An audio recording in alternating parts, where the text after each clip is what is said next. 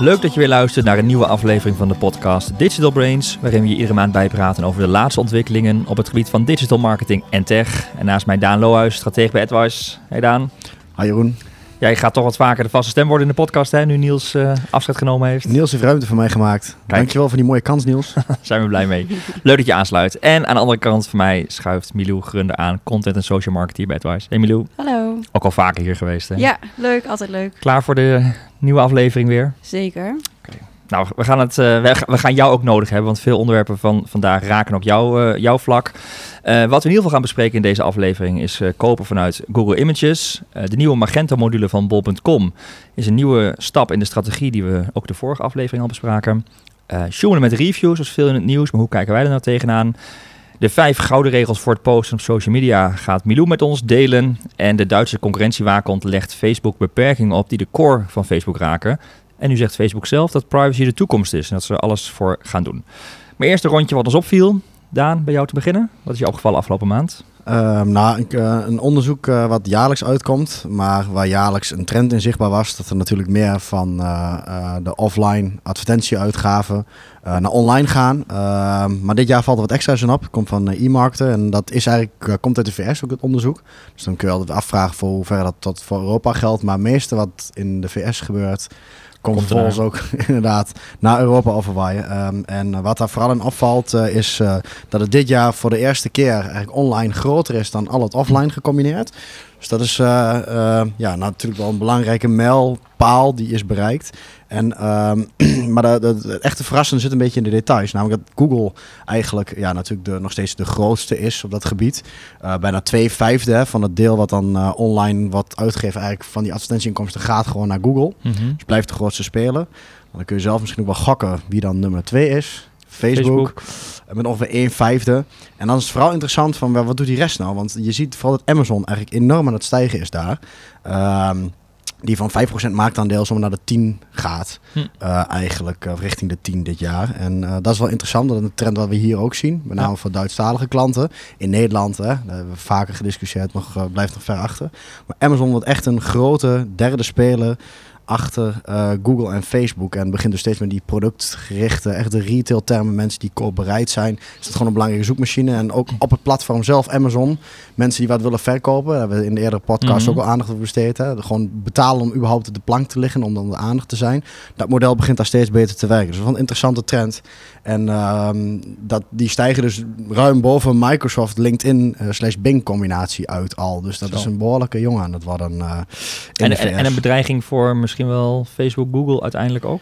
Gaat de spend ja, verschuiven, denk je? Nou ja, het is natuurlijk veel gedifferentieerder en veel aparter. Google is echt ja, uh, een beetje ook display en bannering natuurlijk. Ook maar vooral shopping. groot op uh, ja, shopping, deels. En ik denk dat daar de verschuiving in zit. Ja. Dat uh, Amazon het shopping gedeelte van Google aan het opeten is. Productgerichte zoektermen. Dat Google nog steeds voor intentiegedreven gebeurtenissen in search natuurlijk enorm groot blijft. En Facebook samen met Instagram natuurlijk het sociale deel voor zijn rekening neemt. Eigenlijk ja. Ja, dat offline budget opeten. En, ik heb al eens ergens gelezen dat inderdaad de, in Amerika de mensen zoeken, hun zoekopdracht, met name als het om shopping gaat, start op Amazon in plaats ja. van Google. Dat daar ja. al verschuiving ja, Als je is. iets wil kopen, ga eerst naar Amazon en niet naar Google, want die experience is gewoon beter op Amazon. Dus uh, ja, dat is wel, wel apart om te zien. En, uh, en verder was het ook wel interessant het offline deel, hè, want het is natuurlijk niet allemaal digital. Dat je vooral ziet dat uh, ja, tv ook meeschommelt met hoeveel sports en events en live dingen er zijn. Daar afhankelijk Ja, wat minder jaar gaat afgelopen jaren. Geen Olympische Spelen of geen grote events. Ja, de Super Bowl bijvoorbeeld in de VS dan wel, maar weinig echt wereldwijde dingen. En, um, en dat out of home ook nog steeds wel toeneemt. Hè? Gewoon dat offline display advertising, zeg maar. Gewoon grote billboard, dat soort dingen.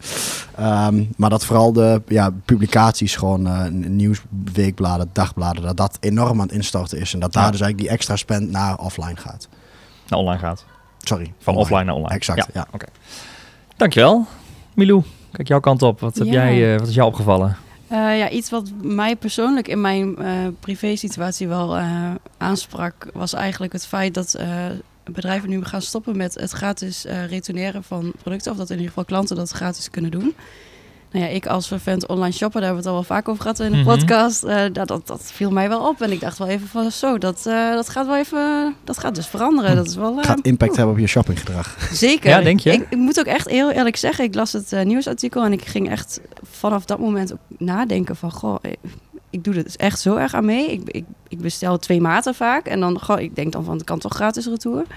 Ehm, maar ze gaan er dus nu echt eh, mee aan de slag om dat toch wel aan banden te leggen. Ik las ook dat Sans Online, eh, die reizen zit, die gaan dat ook al eh, doorvoeren. Twents Webwinkel, een van de grotere van Nederland ook, gaan ook Ja. stoppen met het, en het retourbeleid aanpassen. Het kan gewoon zo niet langer zeggen zijn. Nee, ja, dus inderdaad, ja. Maar interessant is wel, jij zegt, jij koopt dan twee maten omdat je dan één, en dan één gratis terug kunt sturen. Ja.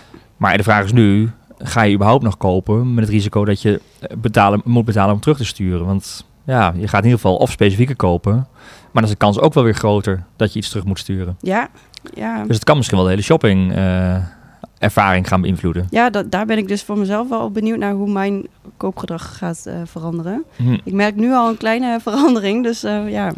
ja, ik ben heel benieuwd hoe dat zich verder doorzet. Of dan echt dat massaal wordt doorgevoerd en dat alle webshops overgaan op, of er eigenlijk vanaf stappen van dat gratis retourneren. Ik weet niet hoe jullie dat zien, maar Nou, het raakt voor mij twee, twee ontwikkelingen, denk ik. Enerzijds gewoon die bedrijven die zeggen het kan niet meer. Hè. Sans geloof ik ook een paar ton negatief ieder jaar, omdat ze met Ja. de retouren onder, onder andere zitten. ja, Anderzijds ook wel de trend van eh, duurzaamheid, precies. eh, ja, hè, energie. Er zit zoveel Ja, werk. gewoon moreel in plaats van financieel. Ja, want er zijn ook gewoon bedrijven, en volgens mij onder andere ook Amazon, die gewoon alle retouren vernietigen. Was in Duitsland toe. Die vernietigen het gewoon omdat het meer kost Ja. om retouren te verwerken naar weer opnieuw eh, producten kunnen sturen, sturen dan gewoon die hele ellende weggeflikkeren. Ja, dat is, dat is Ja, ook dat is natuurlijk Ja, ik kan me nog herinneren dat dat drie of twee maanden geleden, denk ik, ook in Ja. het nieuws was. Op NOS had er zo'n item over als je de NOS nieuws volgt. Ja, dat is ook zo'n filmpje eh, van NOS op 3 volgens mij ook gemaakt. Ze zei inderdaad van schokkend retourbeleid bij sommige webwinkels inderdaad. Dat ze gewoon zeggen, ja, het spul wordt vernietigd. gewoon vernietigd. Of daar opkopers gedaan. Is. is Ja, exact. hoor. Ja. Ja. ja. En je hebt natuurlijk ook dat, dat eh, refurbished eh, gebeuren. Dat is ook een nieuwe trend. Ja. Ehm, tweede kantjes heb je bijvoorbeeld ook op Cool, Ja, Coolblue maakt dat ervan. Ja. Oh ja. Dus Ja. dat is ook wel eigenlijk het gevolg van, denk ik, deels van dat gratis retourneren. Ja. Ja. Er moet iets meer vrijblijvendheid af. Want Ja. dat eh, levert van niemand eigenlijk wat op.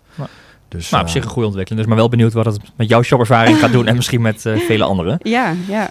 Eh, om bij eh, shopping en duurzaamheid te blijven, ik kwam iets tegen over nude shopping. Daan, je was eh, Oh ja, voorbereid erg benieuwd wat het was. Ja. Ik, ik, ga, ik dacht, ik ga me hier niet te verdiepen. Krijg, pra, krijg je weer praat van op kantoor. ja. Ik laat Jeroen Klinkt heel dat lekker spannend. uitleggen in de podcast. Ja, het klinkt heel spannend, maar zo is het helemaal niet. Maar het is een, wel een trend in Nieuw-Zeeland. En dat is ehm, eten dat dus helemaal niet meer verpakt wordt in plastic. Oké. Dus het is plasticloos. Producten producten, ja, Ja. producten nude. Er zit er is helemaal niks eh, omheen. Dus je, nou, ik, heb, ik zal de link ook in de show notes zetten. Maar een foto waarin je ook echt daadwerkelijk de wortelen in een stelling ziet hangen. Ehm, en en, en nou ja, dus zonder plastic, zonder verpakkingen kunt shoppen. Eigenlijk niks bijzonders. Dat heette vroeger gewoon de markt. Ja, en de groenteboer. En, ja, de eh, groenteboer. maar en één is, Ja, kijk, concept, joh. er, worden er, ja, maar er wordt wel vanuit gaan dat het eh, duurzaam is. Want je hebt geen plastic nodig. De vraag is wel of je niet veel meer moet gaan weggooien. Omdat de producten minder lang vers blijven en Ja. goed blijven. Dus het is een beetje kip en ei. Maar goed, ik vond het wel een eh, mooi, eh, mooi beeld. Met name die foto ook. Komt dus in de show notes. En eh, betalen met de creditcard eh, wordt goedkoper. Bericht van RTL Z wat ik voorbij zag komen. Nu rekenen veel webshops nog een toeslag als je met creditcard wil afrekenen. Maar dat mag niet meer. Dus ook als je praat over verzendingen. De transactiekosten voor creditcard komen nu volledig bij de webshop eigenaar te liggen. Of ze bieden de betalingsoptie minder vaak. Dat zou kunnen. Dat is vanaf Dat nou ideal. Ja, dat is vrij logisch denk ik, om de, om de creditcard minder vaak aan te bieden. Maar hebben jullie ook allebei een creditcard dan? Ja, ik, ik merk dat mezelf ook veel via PayPal shop en dan soms mijn creditcard kies bij bepaalde betaling. Ja. Maar ik denk dat ik in Nederland, nee, daar, daar Nou, ik, ik, niet ik zal eerlijk eh, bekennen, heeft hakt in op het vorige item. Dat je inderdaad soms bij, kledingwinkels bestelt en dat via PayPal afrekenen. Want het gaat super snel en super qua experience is het echt perfect. Maar dan soms ook inderdaad op de creditcard, zodat je weet van. Eh, als je het dan weer retourneert binnen die maand, dan heb je gewoon het netto bedrag wat je uiteindelijk wil betalen. En dat komt van de rekening af. En dat Ja. zorgt voor mij wel voor lekker overzicht, zeg maar. Ja. Dat je gewoon weet van dat waren de kosten. Ja. Dus dat je die 30 dagen betaling eigenlijk. eh, Klopt, zo, ik heb bij eh, bol.com ook standaard mijn creditcard gekoppeld als standaard betaalmethode. Ja. dat je dan een beetje weet hoe het wat meer overzicht hebt heen en weer gaat. Ja. En, eh, Exact. Dus eh, jij niet? Ik doe alles op eh, rekening. Afterpay. Ja, precies. Ja, Ja, ja. ja. En dat moet, heel- moet ik zeggen dat ik dat ook wel prettig vind of zo. Ik weet niet. Omdat ik natuurlijk heel veel Ja, je retourneert alles weer. Ja. Denk, ja. Maar ik dat is niet wel een, ja, Ik maar voor alles in twee webwinkels maanden is dat denk ik wel een van de pijnlijke dingen inderdaad. Dat je, nou, creditcard, dat kostte. Dat, p- Afterpay is ook niet de meest voordelige afrekenmethode voor een webwinkel. Die geven daar wel best wel wat marge weg. en Ja, want het risico kosten. helemaal uitbesteden natuurlijk. Ja, het risico besteden ze uit. Dus dat gaat gewoon, nou, ik weet niet, ik zit niet zoveel in de e-commerce. Maar volgens mij loopt dat zo richting de 5 of 6 procent van Ja. je omzet dan aan.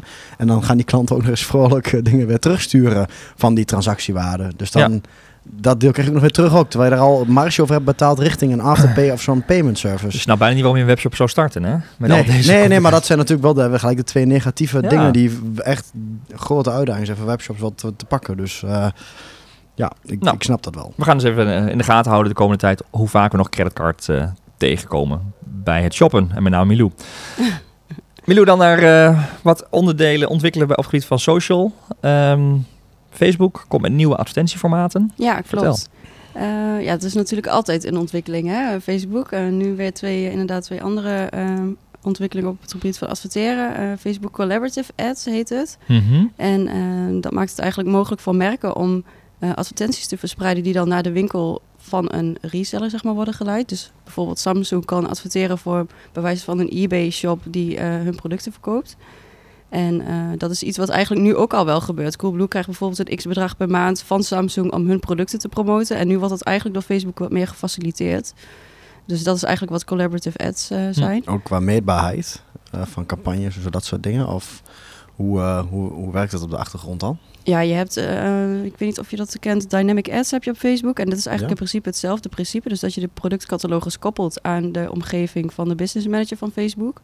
En inderdaad, dan kun je het ook volledig meten, geloof ik. Want je, eigenlijk leid je de, eh, degene die je target, leid je naar de webshop van, ehm, van de reseller. Ja. Dus het Ja. zou zo moeten zijn dat je daar dan dus ook de pixel en alles op plaatst om het dan technisch goed Ja, dus je bent veel te meer ook in control als merk zijnde. Ja. Wil je dat doen, dan kun je zelf de campagnes uitzetten. En dan ben je niet afhankelijk van, oh, beste winkel, hier heb je 1000 euro mijn. En dan maar te vertrouwen dat die winkel het goed uitgeeft. Precies, ja, je hebt zelf meer controle inderdaad. Ja. En eh, Facebook Showcase is ook een, nieuwe ontwikkeling. En eh, dat is, zijn eigenlijk video on, on demand ads, of eigenlijk daartussen. Want je hebt Facebook Watch. Ik weet niet of jullie dat Ja. kennen. Is volgens mij niet Mhm. super bekend, maar het is inderdaad een tapje onderin je scherm. Ik moet zeggen dat ik er zelf nooit echt op zit, maar daar kun je dus video on demand eh, kijken. En Ja. daartussen komen dan ook advertenties. En ehm, het is eigenlijk net zoals traditionele tv. Dat is de bedoeling. Dus dat je op die manier ook je bereik zeg maar Een inkoopt. commercial break krijgt. Precies. Dus datzelfde als Ja. eh, een beetje de poging, eh, want eh, ik ben een Noordvaren niet Facebook gebruiker. Is dat dezelfde poging als die ze wagen op Instagram met Instagram TV, zeg maar, IGTV? Ja, het Een is ook beetje vergelijkbaar. zoiets. Ja, maar het is, het is echt wel ook een manier om eh, toch wel op die tradi- traditionele targeting, zeg maar, ook echt puur op het bereik, zeg maar, te grof, Ja. grovere, eh, het Ja, want. IGTV is ook meer organisch. Dit gaat echt om eh, eh, reclame, echt adverteren Ja. eh, tussen de video's. Ja, precies, ja. ja, ja. Ja. Ja, En, ik bedoel ehm, meer dat Facebook eh, Watch, zeg maar, hetzelfde Ja. als IGTV is. ja, Ja, En dan ja, adverteren erop hetzelfde als... Ja. Ja. precies. Ja, dat klopt. Ja. Hey, en, eh, maar betekent het ook al dat we gelijk in Nederland ermee aan de slag kunnen? Nee, nee, het is nu wel iets wat dan bekend is gemaakt dat het eraan zit te komen. Maar ook de verwachting wanneer dat in Nederland komt is ook niet bekend. En eh, dus dat is dat toch ook wel weer iets waar we op zullen moeten wachten. Toch zijn er niet heel vaak grote verschillen toch tussen wat er in Amerika al is en in Nederland is. Eh, Mm. Vaak gaat het snel achter elkaar. Ja, dat verschilt wel een beetje. Je ziet dat dan bijvoorbeeld nu met Pinterest, waar we het nog over gaan Mhm. hebben, daar is het al wel veel eerder uit, uitgerold. Ehm, Facebook is daar inderdaad wel redelijk, het vol- het volgt elkaar wel redelijk op. Maar je ziet wel vaak dat bepaalde grotere merken in de pre-roll zitten en dat dat eerst wordt getest. Ja, en dat het dan vervolgens eh, geleidelijk aan wordt uitgerold. Ja, dat je het zelf ook inderdaad in een business manager niveau, voordat ze dat allemaal bouwen, dan zijn ze inderdaad eerst testcases aan het maken met de Ja. grote Ja. brands. Als het daar werkt, hebben ze een paar mooie cases om te laten zien. En dan mag je het zelf ook gaan instellen. Hey, ik las al wel die collaborative ads, dat dat al wel een jaar in de testfase is geweest. Dus dat hebben ze al wel goed, eh, goed getest. Gelden die ontwikkelingen ook dan eh, voor Instagram, zeg maar? Omdat het natuurlijk ook onderdeel is van Facebook? Of blijft dit nog even puur voor het Facebook-platform? Zover ik las, echt alleen Facebook. Nee. Maar ja, je kan me voorstellen, want je werkt in principe vanuit de business manager op Facebook en Instagram qua, targeting. Dus ik denk, ik vermoed zelf dat die collaborative ads, dat dat ook op, op Instagram verspreid gaat worden. Maar Ja. Facebook Ja. Watch is natuurlijk puur alleen op het platform Ja. Facebook. Dus dat denk ik wel. Collaborative ads ook op Instagram. Dan een heel ander social media kanaal wat nog wat onbekender is in Nederland. TikTok. ben heel sowieso benieuwd hoeveel luisteraars gelijk weten eh, wat het dan is. Ik zou niet eens... Ja, ik weet wat het is, maar ik weet niet, In ieder geval jonge luisteraars we hebben, want die kennen Ja, het allemaal wel. Ik ken het waarschijnlijk wel, ja. eh, Volgens mij wel. Maar TikTok gaat nu ook eh, Europese adverteerders benaderen. Nou, Milou, jij bent natuurlijk helemaal op de hoogte van TikTok en al die andere... Wat is het en, en, en, en, en wat betekent dit? Eh, nou, TikTok is, he- heette eigenlijk eerder Musical.ly. En ehm, dat is een van de snelst groeiende social media platformen eigenlijk op dit moment. En vooral onder jongeren in de basisschoolleeftijd. Dus dat is ook de reden waarom wij niet helemaal up-to-date zijn. Beetje ik. net als Snapchat. Iedereen, de meeste mensen kennen Snapchat denk ik wel, maar drie, vier jaar terug was Snapchat ook een beetje had het dezelfde positie. Ja, Dus ook hip ja. en onder basisschool, brugklas, wel die Ze leeftijd. zien het ook echt als een concurrent van Hm. Snapchat, inderdaad. Ehm, maar het principe van, van eh, TikTok is eigenlijk dat je jezelf opneemt en ehm, bijvoorbeeld eh, nummers gaat playbacken en dan allerlei dansmoves en, en zo maakt. En dat je ja, dat, deelt. gaat- dat deel je Ja, dan. heel creatief ook. Dat wil Heel toch? Heel creatief als content. En ik zie ook wel eens van die filmpjes voorbij komen nu. Uh, dat heeft niks meer met uh, muziek opnemen te maken, volgens mij. Gaat verder. Het, Gaat verder dan dat. Ja, Ja. en ik weet Ja. niet of jullie het ook al hebben gezien, maar ik zie zelfs TikTok-filmpjes ook al voorbij komen op Facebook en Instagram. Dus het wordt ook vanuit het platform ook alweer op andere uh, Oh, social platformen Ja. gedeeld. Dus je ziet wel gewoon dat het wel, ja, dat is echt in, uh, in opmars. Ja, volgens mij zijn de, die mirror runs, zeg maar, daar hadden we, het, uh, hadden we het in de voorbereiding een beetje over. ja, ja. Zo de, dat is een meme dan, hè? een stijl of een manier om iets te doen of een bepaalde soort grap of idee, wat dan heel erg over zo'n platform heen gaat. Eén iemand doet dat een keer en iedereen gaat dat kopiëren in een ander formaat. Je krijgt alle creatieve uitspattingen van. Dus dat is wel zinnig om dat een keer te googlen. Dan krijg je ook een idee bij van wat voor een creativiteit dat dan is. Maar het komt er uiteindelijk op neer dat je eigenlijk in kleine fragmentjes jezelf opneemt. Dat je van de spiegel van links naar rechts, dus gewoon voor een normale spiegel van links naar rechts rent. En eigenlijk daarna ja, stopt met opnemen, weer naar de linkerkant van de spiegel loopt.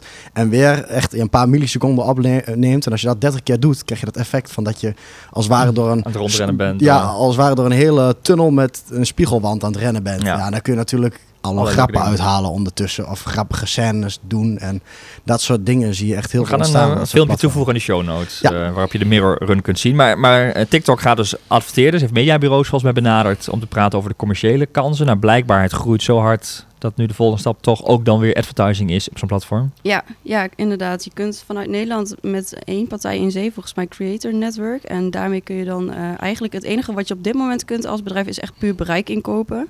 En je kunt alleen targeten op leeftijd en eh, locatie. Dus dat is op dit moment de enige mogelijkheid. Ehm, ja, je hebt dan verschillende opties. Pre-roll ads, vertical ads. Het moet wel, ook hier is het echt heel belangrijk dat het wel native is. De adverte- advertenties die je daar eh, Ja. verspreidt. Dus het is natuurlijk, het vergt wel echt een compleet andere aanpak. Omdat het zo'n creatief platform is. En een groep die eigenlijk gewend is zonder advertising Ja. te doen. Dus dat is heel gevoelig als je daar weer te zwaar commercieel op gaat drukken. Ja, ja, ja, ja. precies.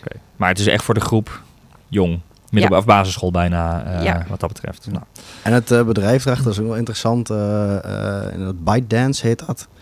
Ehm, dat is eigenlijk een grote opkomende partij, een beetje uit, eh, uit China. Mhm. En eh, dat is ook heel interessant wat die aan het doen zijn. Zeg maar. Die ze hebben inderdaad dus eh, dat eh, TikTok, wat dus eigenlijk in China heel groot was, Ja. in het Midden-Oosten. Die hebben dus inderdaad heel bewust hun concurrent Musical.ly opgekocht, samengevoegd. En dat wordt nog wel een partij, dat ByteDance, wat denk ik een hele belangrijke rol gaat spelen in de toekomst. Als ja, de, de, de, de, een platform als Facebook bijvoorbeeld ook is in het Westen. Is het een beetje de next generation social media? Dat Ja. Facebook en Instagram verliezen misschien wel een Snapchat. Ja, ja, want het is echt een, een, een, een, een organisatie die eigenlijk alles doet met eh, machine learning eh, op contentplatformen. Ze hebben ook Hm. een grote nieuwssite, ik had nog even opgezocht. Toutiao of zo, in China zeg maar. Maar dat is echt 800 goed. miljoen eh, users zeg maar. Ze zijn verschrikkelijk goed in weten wat de gebruiker interessant vindt. En dus een echt een, ook een nieuwsfeed genereren en allerlei soorten formaten van content. En zoiets is natuurlijk redelijk goed te kopiëren als je dat goed hebt staan. Alle algoritmes werken Ja. kun je zo een andere markt betreden. Dus ik ben nog heel benieuwd wat dat, eh, ja, wat zo'n partij als dat ByteDance, wat er dan achter zit. Dus ook inderdaad eh, met zo'n TikTok gaat doen eh, in het Westen. Ja. We blijven bij adverteren, want ook Pinterest krijgt advertentiemogelijkheden. En dat is wel een, een hele gave kans voor heel veel merken die gewoon een brede doelgroep willen bereiken, toch Milou? Ja, zeker. En eh, ja, ik moet zeggen, ik werk nu al ruim drie jaar bij AdWise. En toen ik hier begon, toen was er al sprake van eh, Pinterest te adverteren. En heel blij dat het nu eindelijk eh, uitgerold gaat worden.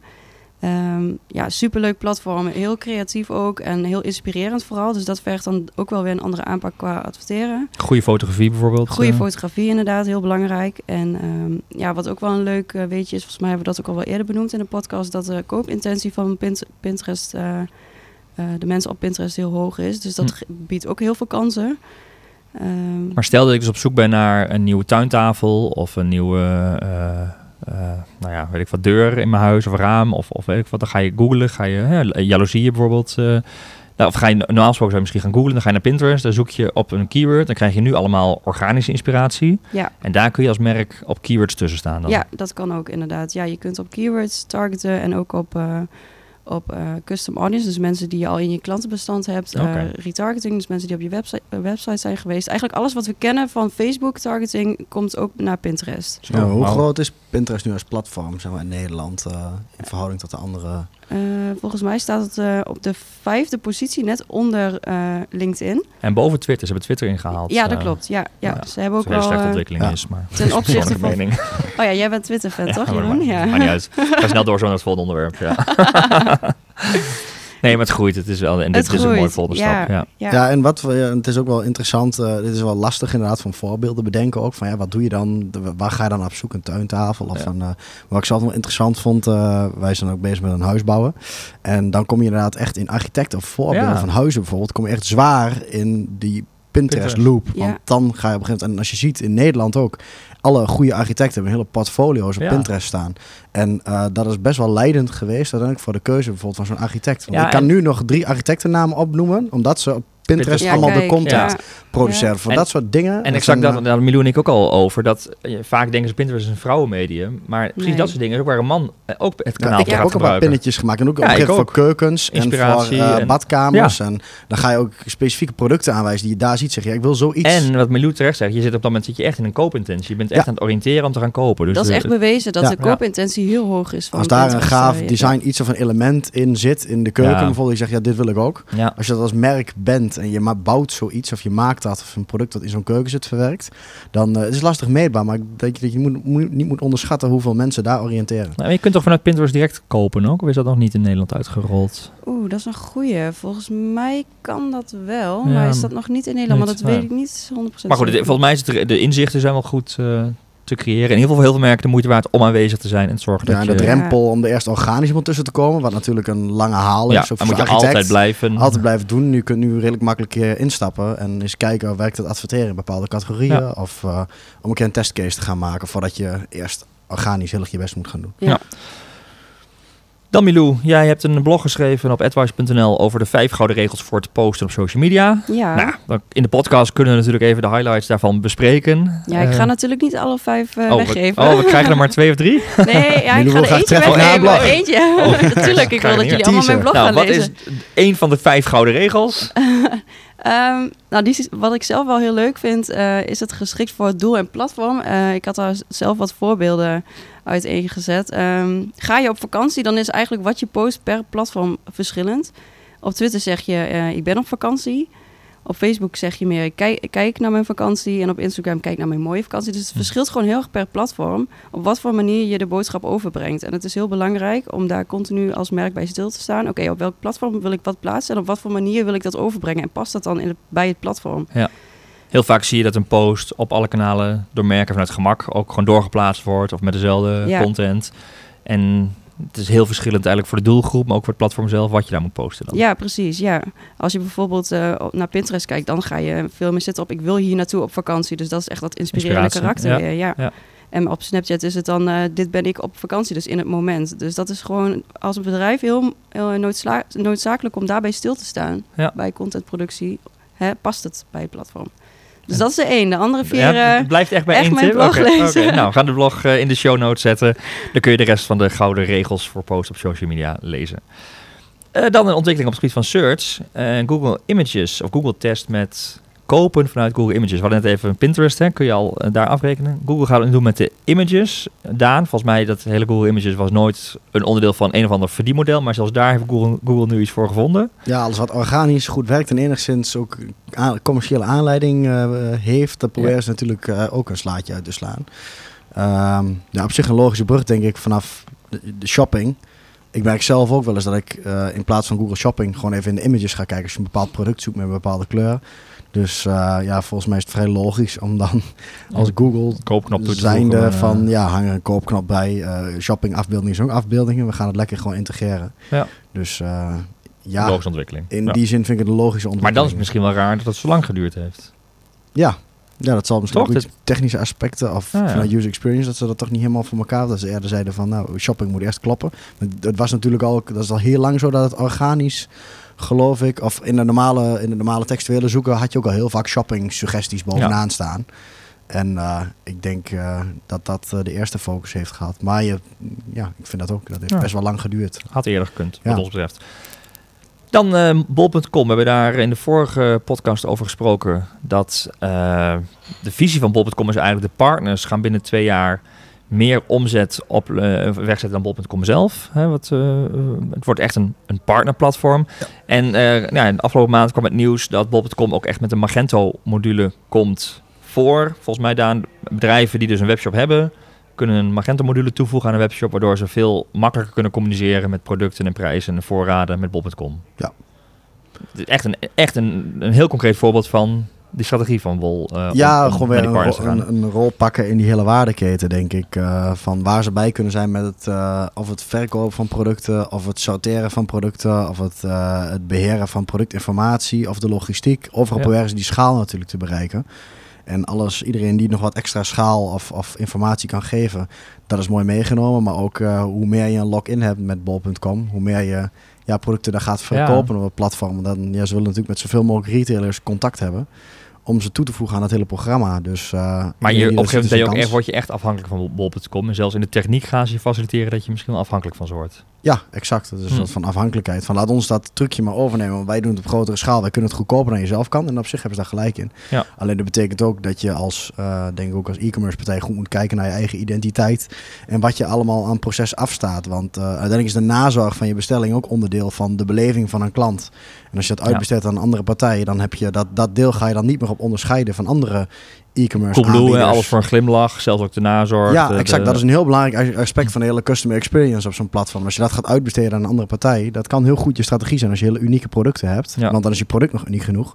Maar als je al geen uniek product hebt en je moet het hebben van die experience en je gaat dat ook weer uitbesteden, dan moet je goed kijken naar je eigen verdienmodel en de plek waar je waarde creëert, waar mensen voor willen betalen. Want dat kan, eh, als je op een gegeven moment alles gaat uitbesteden, dan eh, kun je geen unieke propositie nee, kun meer. je bijna stoppen en wordt alles, over, is alles over te nemen. ja, dus eh, dat is een hele belangrijke keuze, denk ik, voordat je met dat soort ja, eh, stappen neemt. Eh, Goed over nadenken, laat Ja. je adviseren daarin. Eh, maar in ieder geval heeft Bol.com daar nu iets voor ontwikkeld. Dan hebben we nog best wat punten te bespreken rondom privacy. Eh, even kijken, laten we maar eens beginnen met eh, gewoon wat groot in het nieuws was. Dat honderden websites je privacy schenden omdat je gevolgd wordt door allerlei cookies. Nou Daan, je bent ongeveer het cookie monster van NetWise. Dus eh, Ja, dat kan ik erover zeggen. Ja, dat is op zich natuurlijk geen verrassing voor ehm, ja, de meeste marketeers, ja, denk maar ik. vind je niet dat, ik, ik, ik blijf nog wel vinden, we hebben die wet gehad, AVG-wet gehad. Het is allemaal zo groot in het nieuws geweest. En dan gaan echt de Telegraaf en, en de Volkskrant en Geen Stijl, die hebben gewoon nog cookie-meldingen waar je compleet gevolgd wordt. Ik verbaas me wel over de omvang. Ja, dat, dat is ook zo. En vooral de manier waarop toch inderdaad heel agressief die cookie walls. Want dat was ook afgelopen, vond ik wel gisteren uit inderdaad. Dat ze ook zeiden van die cookie walls, dat mag niet meer. Nee. Ja, dat, dat stond al heel duidelijk eigenlijk in de, of heel duidelijk. Dat staat ook duidelijk in de AVG eh, van het moet, eh, toestemming moet ondubbelzinnig zijn en ook ongeforceerd. Zeg Ja, maar. je moet Dus- ze ook kunnen weigeren. Ja, anders is het eigenlijk geen toestemming. Dus dan Nee. kun je wel op. Kijk, dan heeft die hele cookie wel eigenlijk geen zin. Want je- het enige wat je dan doet is communiceren dat je het doet. Op een hele wazige manier waarschijnlijk. En dan klik je op akkoord. Maar wettechnisch gezien stelt het akkoord niks voor. Want eh, dan, het, het is pas een akkoord als het eh, vrijwillig was. Ja. En eh, ook ondubbelzinnig. Ehm, twee duidelijke opties, ja en nee. En meestal staat er alleen maar een ja-knop. Ja. En het dus ja, gevolg dat dat is... niet mag, dat is heel lang bekend. Alleen inderdaad, iedereen keek de kat uit de boom. Van wat gaat de autoriteit persoonsgegevens... Gaan ze er ooit wat over zeggen? Ja, ja, ja. En gaan ze wat zeggen? Dus Want iedereen heeft het mag, risico bekend. genomen. Je wordt toch eerst gewaarschuwd. En, eh, Ik denk dat een hele hoop van dat soort organisaties gewoon kijken naar de business case. Ja, want je wordt gevolgd. Dat wil zeggen dat jouw eh, gedrag en data naar advertentieplatforms gaat. En daar verdienen we natuurlijk wat aan, Milou, Ja, op wat, social. wat, ik wilde er nog even wat over zeggen, die cookie wall. Want wat ik dus las, is dat zelfs huisartsen een cookie wall hanteren. Dus dat je, zonder dat je gedwongen de cookies eh, accepteert, krijg je dus je, de, spoed, de noodnummers zeg maar gewoon niet te zien. Nou, wat er Oh, gewoon een wit scherm vertoont. dat Ja, is ja. echt inderdaad de grens. Want dat is Ja. het vaak, daar gaat ga AP ook achteraan. ook, eh, ja. Ja, maar ook eh, dan gaat het ook over een medische gegevens. En het is vaak eh, waar het AP altijd... Autoriteit persoonsgegevens. autoriteit persoonsgegevens altijd op triggert. Eh, dat zijn of grootschaligheid van dataverzameling of gevoeligheid van gegevens. Ja. Dus bijvoorbeeld die Facebook-buttons, hè, dat was toen ook een ding dat die ook mensen gingen tracken. Ja. Dat werd als eerste onder het vergrootglas gelegd bij zorgverzekeraars. Ja. Bij dat je inlogt op een mijnomgeving in onder water inderdaad. Hè, dus eigenlijk hetzelfde als een cookie. Ja. Die dus continu meeluistert en eigenlijk aan naar Facebook aan het verzenden is wat je aan het doen bent. Nou, dat zo geldt ook voor al die advertentienetwerken. Ja. Je gaat dus op geen stijl of op eh Nee, maar het lastige Telegraaf is... meeluisteren wat je aan het doen bent. En Ja. dat je dat dan niet kan weigeren. Ja, maar het lastige voor die platforms is, want ik, ook Wouter is inmiddels druk mee te, te typen hier als advertising marketer, die heeft ook een mening over. maar die zegt ook, ja, eh, eh, veel verdienmodellen van websites draaien ook helemaal daarop. En, Ja. en het is logisch dat een telegraaf, die, dat, ja, die bestaan waarschijnlijk voor een heel groot deel vanuit die online advertising, Ja. dat, dat als die cookies daadwerkelijk, en de next step is misschien vanuit de browser, hè, dat de browser het op gaat leggen of gaat blokkeren, Ja. Eh, dan is dat hele verdienmodel zal onder druk. Dus het, het is wel logisch dat die partijen er even nog misschien Ja, dan het, mee eh, wa- gewacht hebben. Het is ook heel lastig, omdat ze, eh, ja, waar geef je toestemming voor? Er zit geen meerwaarde in voor de gebruiker vaak. Totaal niet. Behalve bij Facebook, Google, want dan krijg je gepersonaliseerde advertenties. Die zijn beter dan relevanter ongepersonaliseerde. En dat lukt Hm. nog niet echt op dat soort platformen die gewoon van advertising zijn.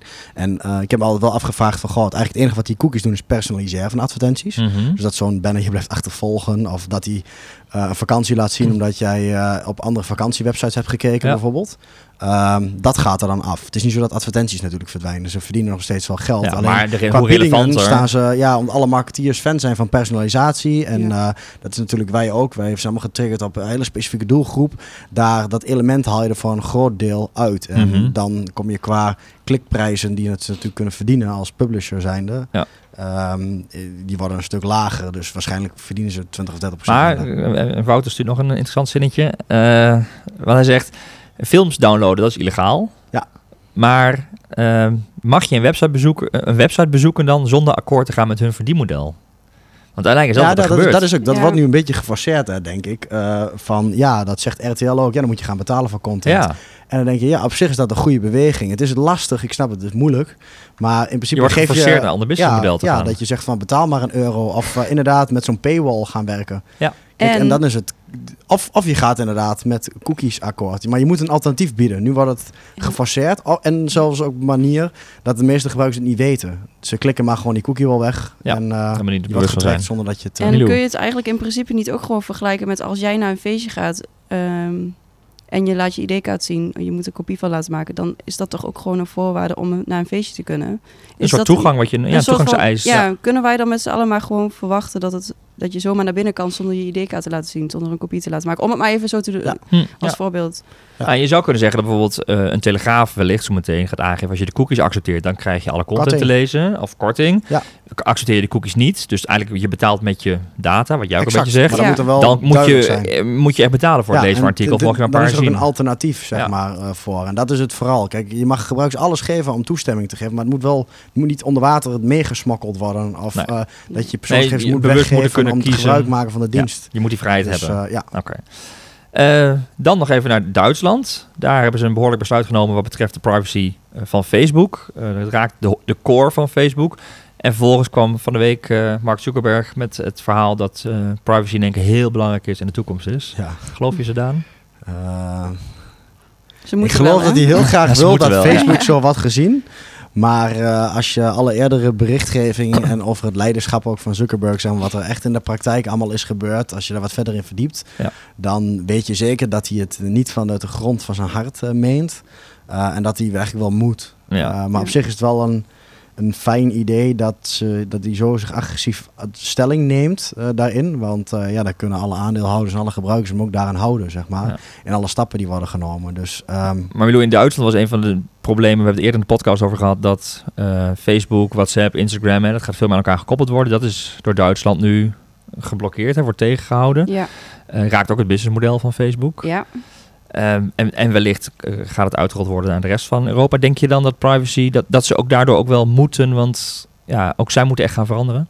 ja dat, als, je, als je nu al leest hoe dat, eh, wat voor vorm dit nu al aanneemt, dan moeten ze wel. Ze moeten wel.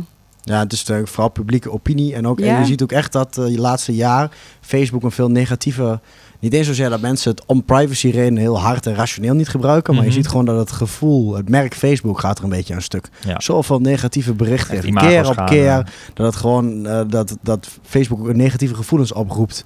En een soort van eh, ja, afgunst oproept bij sommige gebruikers. En dat, dat ze daarom nu echt worden gedwongen om zo'n eh, dat, dat, dat die zich zo erover uitspreekt van privacy gaat centraal staan. Echt even weer een Ja. dit voetje bijna wel moet halen. Want ik denk dat je banger is voor die trend dan voor een Europese commissie die met een paar Ja. miljoen boete of Als die miljoen miljard- afhaakt, dan als die uitgebruiker en de groei is eruit, dat is het ergste. Dus ik denk dat daarom die, die positie Maar- erin zit. Maar jij zei dat hij, hij spreekt zich nu stellig daar tegen, tegenuit. Hij moet nu ook. Ja, dat is het. Hij, hij committeert, dat is eigenlijk het echte nieuws. Ja. Hij gaat nu op de bühne staan en zegt van, oh, eh, privacy is heel belangrijk. Terwijl dat in het verleden toch door vooral de daden bleek dat het helemaal niet zo het geval was. En als dat nu nog een paar keer gebeurt, dat soort dingen, ook recentere dingen nadat hij die uitspraak heeft gedaan, Ja. dan kan dat inderdaad echt wel de das ja, omdoen. Ja, Of eh, inderdaad, de, de, de, de, de, de daling is gestopt. Want Ja. heel mooi en eh, glanzend wordt het natuurlijk nooit meer. Laatste discussiepunt om met elkaar te bespreken. Dat gaat over de reviews op internet. Consumentenbond kwam met eh, het nieuws dat eh, consumenten eigenlijk niet tot nauwelijks waarde moeten hechten aan eh, allerlei lyrische reviews over bedrij- bedrijven en producten op internet. Want het blijkt namelijk kinderlijk eenvoudig om die te manipuleren, valse reviews te plaatsen of ze zelfs in te kopen. Wie van jullie wil daar als eerste op reageren op dat nieuws? Hoe kijken jullie daar tegenaan? ja, ik moet heel eerlijk zeggen dat ik sowieso niet zo'n review-persoon ben. Ehm, ik ben altijd wel een beetje sceptisch of zo. Ik, weet, ik neem dat niet Je altijd... hebt ze heel- nooit echt vertrouwd? Ja, nou ja, maar het is voor mij niet zozeer leidend of zo. Persoonlijk niet. Dus ja, ik ben daar gewoon sowieso altijd wel heel sceptisch in geweest. Ik weet niet of jij dat ook kent. Nou, ik, ik, ik herken, ik, ik gebruik wel veel reviews, maar dan vooral de kwalitatieve.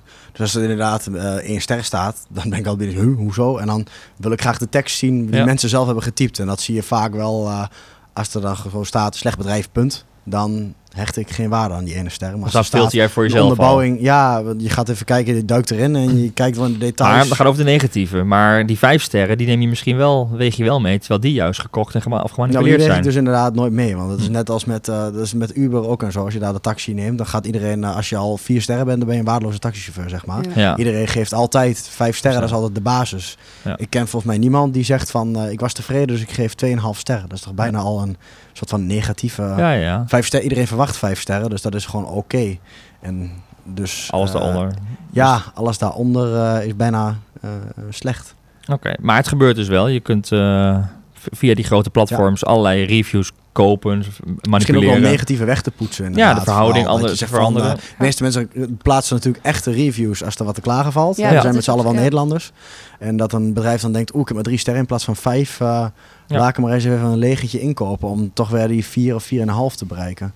Want het is wel een conversiekiller, denk ik. ja, maar ik, vind Dat dat, ik, denk ik, ik ik, ook, ik ja. denk wel, jij zegt in de oriëntatie, de manier waarop je naar de reviews kijkt. Als ik ergens in een restaurant een, eh, of, of ergens een shawarma wil bestellen, dan heb je vervolgens te maken met ja, dat, je, dat je een review op voeding, natuurlijk als je, heb je veel meer keuze voor Ja. een heel klein product. Daar, daar, daar kijk je wel naar. Eh, maar ik vind van Coolblue en Bol.com ook wel heel sterk dat ze de plussen en de negatieve punten ook heel in een review laten verwerken. Dat Ja. je echt kwali- kwalitatieve reviews moet geven, inhoud moet geven. Ja. En, en het, het aantal sterren, het aantal reviews geeft ook een indruk. Maar ja, inmiddels is dat ook niet meer zo heel erg betrouwbaar. Maar ja, wat, wat gaan ze hier dan ook tegen doen? Wat kun je hier tegen doen? Ja, eigenlijk zegt de Consumentenbond, eh neem ze niet meer serieus. Ja. Kijk er, kijk er niet meer naar, want het wordt gemanipuleerd. Ja, en ook, er was eh eergisteren volgens mij nog een follow-up op dat bericht. Dat er inderdaad dus ook heel veel bedrijven zijn die dat voor andere bedrijven inkopen, zo Ja. je concurrent Ja. kapot maken. Dus Ja. voor het inkopen van negatieve, Negatieve, reviews. kapot kunnen En schrijven. Daar is ook en, veel eh, last van. En dan zeggen ze, ja, dan gaan we rechtszaken aan. En dan moet je Google maar zo ver zien krijgen om ze eraf te halen. Ja. Maar, en dat, want je ziet ook de ontwikkeling, hebben we ook volgens mij eerder besproken in de podcast, dat je bijvoorbeeld naar, je hebt in een hotel geslapen en je gaat naar de receptie toe en je wil korting, want anders ga je een negatieve review plaatsen. Of in een restaurant, je wil korting, ja, want je de gebruikt. Ja, Dat zou die bedrijven weer misschien kunnen helpen door te zeggen, ja, maar de reviews, daar hechten allemaal geen waarde meer aan, want eh, helaas, Ja. die zijn, zijn allemaal Ja. te manipuleren. Ja. Maar als consument vond het ook een sterk argument. Maar nou, ik denk eh, reviews niet over één kam scheren ook. Je hebt heel veel soorten reviews. Ja, dat is alleen heel ook maar een kritisch paar ja. kijken naar de vorm. Wat voor type reviews zijn het? En nou, die van een, ik vind het wel een slechte negatieve trend. Met nou zo'n Google review bijvoorbeeld of Facebook. Dat inderdaad dat systeem er maar eigenlijk op gebouwd is om zoveel mogelijk om volume aan reviews Ja, te halen. ja.